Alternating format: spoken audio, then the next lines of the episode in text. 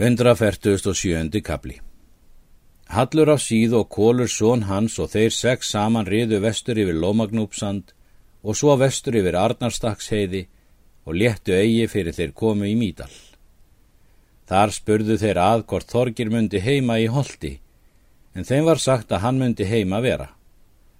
Hallur var spurður hvert hann ætlaði að fara, en hann hvaðst hangað ætla í hold. Þeir kváðu hann með nokkuru góðu fara mundu. Daldist Hallur það nokkur á stund og áðu. Eftir það tóku þeir hesta sína og riðu á sólheima um kveldið og voru þar um nóttina. En um daginn eftir riðu þeir í hold. Þorgir var úti og svo kári og menn þeirra því að þeir kendu ferð hals. Hann reyði blári kápu og hafði litla öksi silfur rekna í hendi.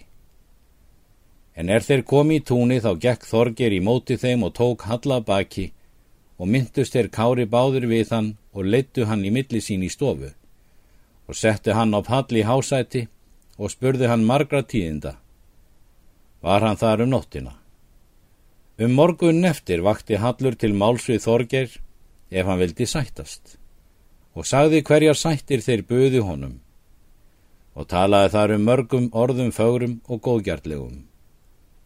Þorger svarar. Kunnikt má þér vera að ég vildi engum sættum taka við brennumenn. Allt var það annað mál, segir Hallur. Þér voru þá výgreiðir, hafið þér nú og mikið aðgert um mandráp síðan. Svo mun yður þykja, segir Þorger, en hverja sætt bjóðu þér kára? Bóðun mun honum sættin svo er sæmilega er, segir Hallur, ef hann vill sættast. Kári Malti Þess vil ég byggja þig, Þorgir vinur, að þú sættist því að þinn hlutur má ekki verða betri en góður. Ílt þykir mér að sættast og skiljast við þig, nema þú takir slíka sætt sem ég tek, segir Þorgir. Egi vil ég það, segir Kári, að sættast. En þó kalla ég nú að við höfum hemmt brennunar. En sonar míns kalla ég vera óhemmt og ætla ég mér einum það að hefna hans slíkt sem ég fæ aðgert. En Þorger vildi eigi fyrr sættast en Kári sagði á ósátt sína ef hann sættist eigi. Hann salaði Þorger þá grið flós og hans mönnum til sáttarfundarins en Hallur seldi önnur í móti er hann hafi tekja af flós og sifúsonum. En áður þeir skildu skaf Þorger Halli gullring og skallatskikju en Kári silfur menn og voru á gull krossar þrýr. Hallur þakkaði þeim vel gafirnar og reyði braud með henni mestu sæmd og létti eigi fyrir hann kom til Svínafells. Tók Flósi vel við honum.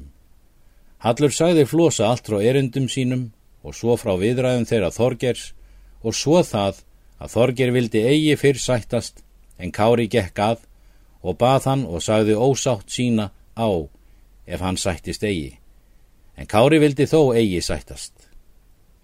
Flósi mælti. Fámönnum er Kári líkur og þann veg vildi ég helst skapfarin vera sem hann er. Þeir hallur dvöldust þar nokkur að ríð.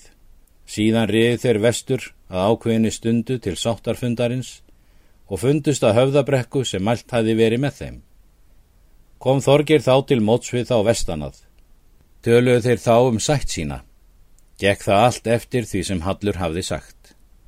Þorger sagði þeim fyrir sættirnar að Kári skildi vera með honum, jafnan er hann vildi, skulu hvori í öðrum þar illt gera að heima mínu. Ég vil og ekki eiga að heimta sér hverjum þeirra og vil ég að þú flosi var þeir einn við mig en heimtir að sveitungum þínum og vil ég að svo gerð haldist öll er gervar á þingjum brennuna. Vil ég flosi að þú gjaldir mér þriðjung minn óskerðan. Flósi gekk skjóta þessu öllu. Þorger gaf kvorki upp utanferðir nýja hérasektir. Nú riði þeir Flósi og Hallur austur heim. Hallur mælti til Flósa. Epp þú vel, máur, sætt þessa, bæði utanferð þín og söðurgönguna og fégjöld. Munt þú þá þykja röskur maður, þó að þú hafi ratað í stórvirki þetta ef þú inni röskli af að hendi alla hluti. Flosi hvað svo skildu gera. Reið hallur nú heim austur, en Flósi reið heim til Svínafells og var nú heima um hríð.